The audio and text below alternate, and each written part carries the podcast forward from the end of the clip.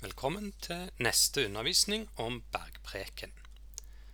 Vi har lagt bak oss en gjennomgang av det første kapittelet, kapittel fem, der vi lærte om hvem som hører til i det nye riket som Jesus er konge over. Og det er enkelt sagt hans disipler, disse som har lagt det gamle livet bak seg for å følge etter han. Disse disiplene er kalt til å leve som Jesus, tale som Jesus og til og med tenke som Jesus. Den treenige Gud elsker alle mennesker og den jorda han har skapt. Denne fullkomne kjærligheten er det vi kalt til å leve ut, fordi vi, som Jesu disipler, er adoptert inn i hans familie. Vi er blitt Guds barn. Budene i Det gamle testamentet var derfor ikke tilstrekkelige lenger. Jesus viser hvordan kjærligheten både oppfyller og overgår alle de gamle lovene.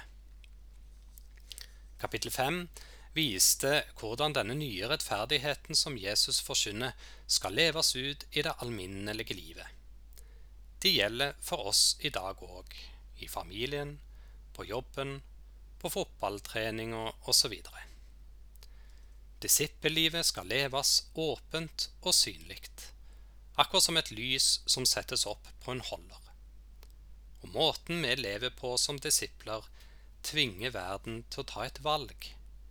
Skal vi ta imot Guds kjærlighet som disse menneskene formidler gjennom sine ord og gjerninger, eller skal vi forkaste budskapet deres?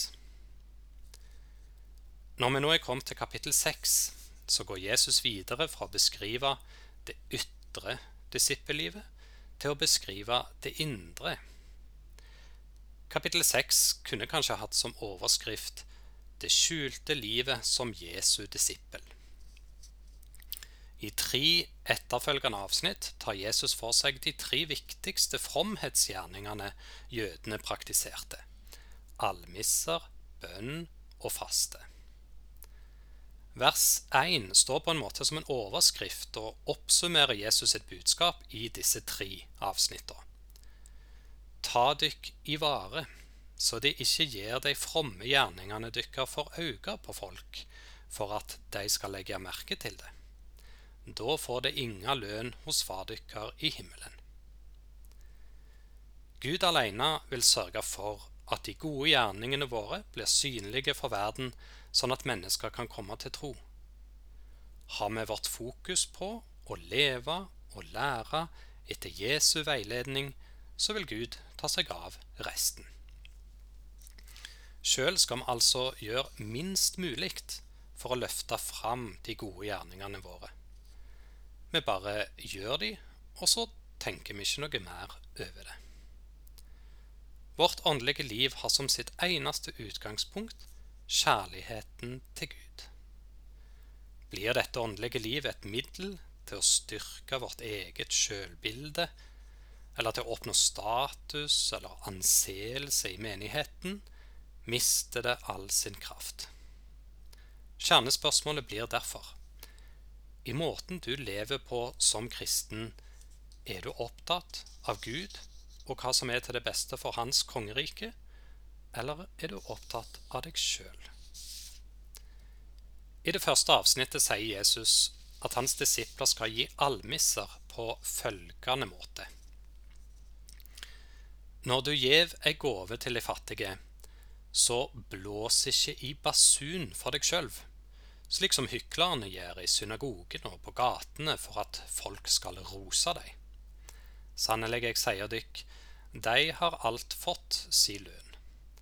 Men når du gjev ei slik gåve, så lat ikke venstre handa di vite hva den høyre gjør. Gjev gåva di i løgnd. Og far din som ser i det løgnde, han skal løne deg. Det å gi almisser, altså gaver til de fattige, var en eh, religiøs plikt for jøder. Det samme gjelder for Jesu disipler. Men de skal ikke benytte seg av anledningen til å skaffe seg sjøl ros. Det er kun fordi Gud ønsker det, og fordi de fattige trenger det, at vi skal gi. Som disipler ser vi bare på Jesus, ikke på gjerningene våre. Gjerningene kommer av seg sjøl, bare vi følger etter mesteren vår. Vi mister den gode stien av syne straks vi begynner å fokusere på alt vi får til. Pengene vi ga til TV-aksjonen som var ti ganger mer enn gjennomsnittet. At vi ikke betaler for svart arbeid, sånn som de ugudelige naboene våre, osv., osv. Alle sånne tanker om at vi på en eller annen måte skulle være bedre enn andre, og at det er vår egen fortjeneste. I stedet skal vi takke Gud for at Han har fornya hjertet vårt, og så ikke fokusere noe mer på det. La ikke den venstre hånd vite hva den høyre gjør. I disippelkjærligheten som glemmer seg sjøl og ikke er bundet til noe annet enn Kristus, dør det gamle mennesket i oss. Det nye som da oppstår, er Den hellige ånds verk. Gud er vår far. Han ser alt vi gjør, og kjenner oss fullt ut. Ovenfor Han er det derfor bare å legge av seg maskene og leve åpent og ærlig. Lønnen Han gir oss, er en dyp indre glede og fred over å være i Hans nærhet. Noe mer enn det trenger vi ikke. Det neste avsnittet lyder Når det ber, så gjør ikke som hyklerne. De elsker å stå i synagogene og på gatehjørnet og be så folket kan sjå det. Sannelig, jeg sier dykk, de har alt fått si lønn. Men når du vil be, gå da inn på rommet ditt og lat att døra, og be til en far som er i det løgnde og far din som ser i det løgnde, skal lønne deg. Når det ber, skal det ikke ramse opp ord som heidningene, for de tror de blir bøn, bønhørde bare de bruker mange ord. Gjør ikke som de. Far dere veit hva det trenger, før det ber han om det. Det som gjaldt for almissene, gjelder enda mer for bønnen. Bønn handler om å stille seg fram for Guds ansikt alene. De første kristne fortsatte jødenes praksis med å be tre ganger om dagen morgen, middag og kveld. Disse såkalte tidebønnene, om du vil, besto for det meste av fast formulerte bønner fra Salmenes bok i Bibelen og enkelte andre skrifter. Herrens bønn, som vi straks skal møte, ble for de første kristne òg et fast innslag i disse bønnene. Akkurat som med almissene forutsetter Jesus at hans disipler ber på denne måten. Forskjellen er bare at det ikke må gjøres for syns skyld. De av oss som har vært i et muslimsk land, ser gjerne for seg hvordan de bretter ut teppene sine midt ute på gata og begynner å be straks bønneropet lyder fra, fra moskeen. Fariseerne kan nok òg ha gjort noe lignende for å være et forbilde for andre. Problemet med dette, ifølge Jesus, er at da blir lett sjølve gjerningen et bevis på hvor from du er. Bønnelivet ditt er i stedet en sak mellom deg og Gud. Det er en invitasjon til fellesskap med Han og alle de velsignelsene som følger av dette.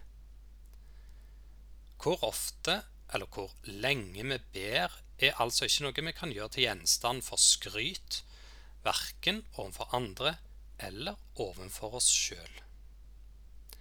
Jesu disipler ber ganske enkelt fordi de kjenner at de trenger det for å kunne leve som Guds barn her i verden. Den andre sida ved bønnepraksisen som Jesus tar opp, dreier seg om å ikke ramse opp ord slik som hedningene, dvs. Si grekerne og romerne. Poenget her er ikke selve lengden på bønnen, både Jesus i Getsemane, Paulus og andre forfattere i Det nye testamentet ber forholdsvis lange bønner. Liturgien i synagogen og i tempelet, med bruk av bl.a. Salmenes bok, kunne òg være ganske så ordrike. Nei, poenget er at det er ikke ordlyden i seg sjøl som avgjør om bønnen din blir hørt av Gud eller ikke. Da blir nemlig bønn omgjort til en form for magi, slik hedningene praktiserte. For de brukte faste, magiske formularer de trodde kunne binde åndskreftene til å gjøre som de ville. Det viktigste for en kristen bønn er det motsatte. Ikke å be om å få vår egen vilje, men at Guds vilje må skje. Det er Gud som skal ha kontrollen, ikke vi. Bønn er å overlate hele vårt liv i vår fars hender, for han vet hva vi trenger. Den som er knytta til Jesus som hans etterfølger, har tilgang til vår Far i himmelen gjennom Han. Når vi ber om det samme som det Jesus vil, da kan vi være sikre på at Gud svarer vår bønn.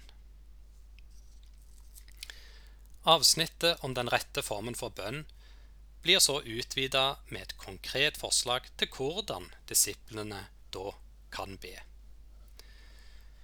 Slik skal det be, sier Jesus. Vår Far i himmelen. Lat navnet ditt helgast. Lat riket ditt komme.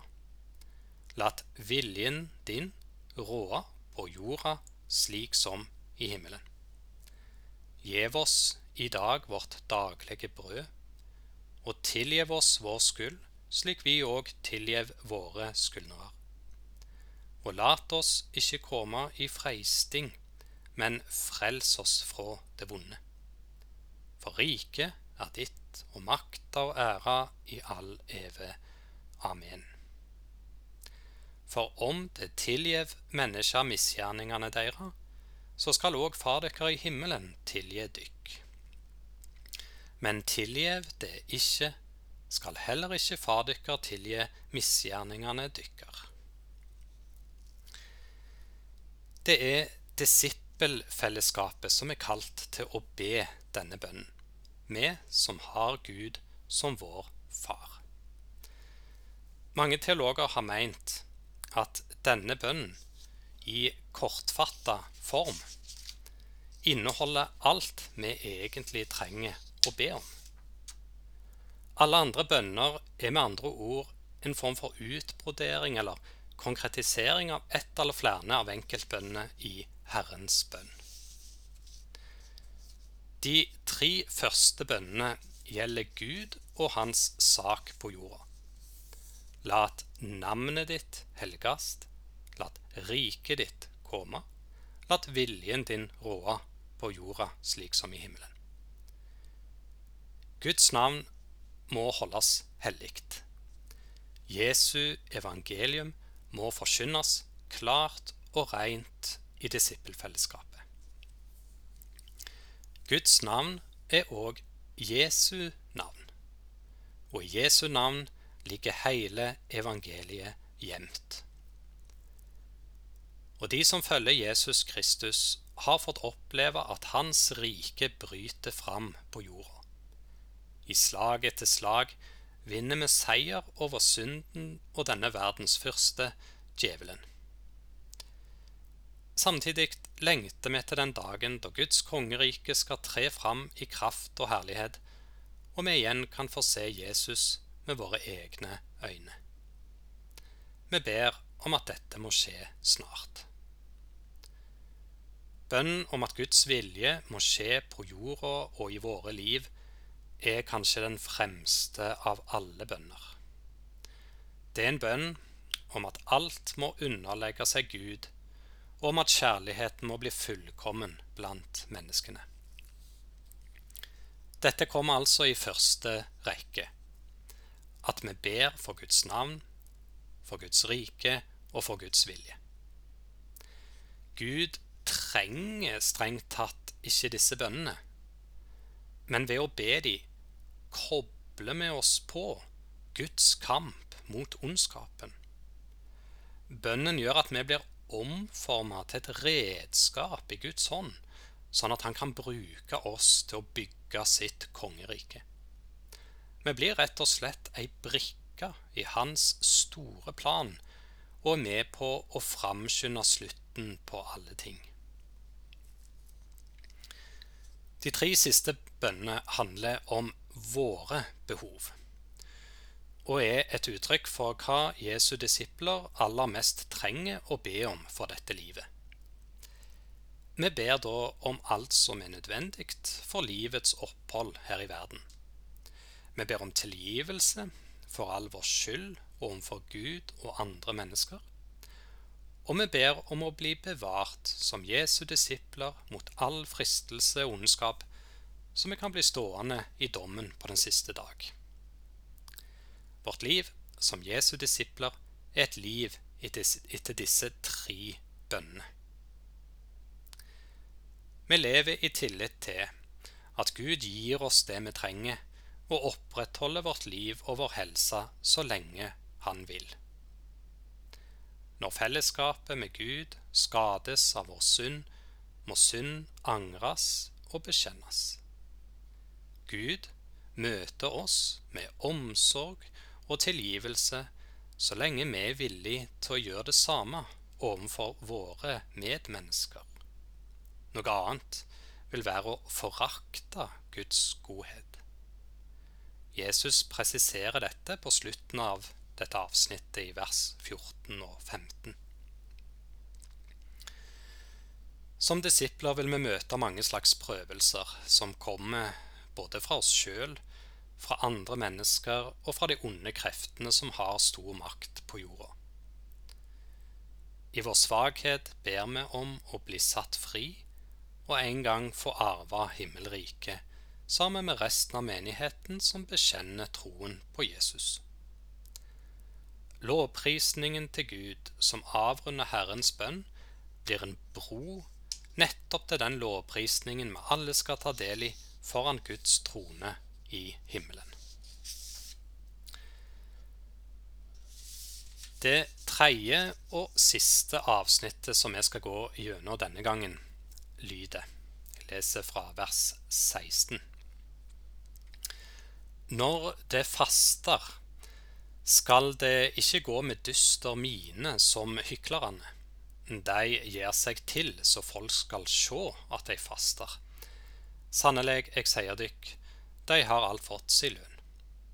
Men når du faster, skal du salve hodet og vaske anletet, så ingen ser at du faster, uten far din som er i det løgnde. Og far din som ser i det løgnede, han skal lønne deg. Akkurat som med almissene og bønn, så sier Jesus når du faster og ikke hvis. Han tar det altså som en selvfølge at etterfølgerne hans faster. Det å øve seg i sjølkontroll er ikke et mål i seg sjøl, men det har store positive ringvirkninger i alt annet vi gjør som Jesu disipler. Ånden er villig, men kroppen er svak, sier Jesus et annet sted. Faste handler om å oppdra kroppen. La den forstå at den ikke alltid kan få det som den vil. Begjæret vårt er nemlig langt ifra alltid i tråd med Guds vilje. Når vi øver oss i avholdenhet, blir forskjellen mellom det kristne livet og verden tydelige. Det kommuniserer at det er noe annet som er viktig for oss enn bare det som verden er opptatt av. Faste handler ikke om å holde seg borte fra det som er vondt eller skadelig. Synd skal vi alltid og under alle omstendigheter ta avstand fra. Nei, faste handler faktisk om å gi avkall midlertidig eller mer permanent fra det som i utgangspunktet er godt, men som har lett for å ta altfor stor plass i livet.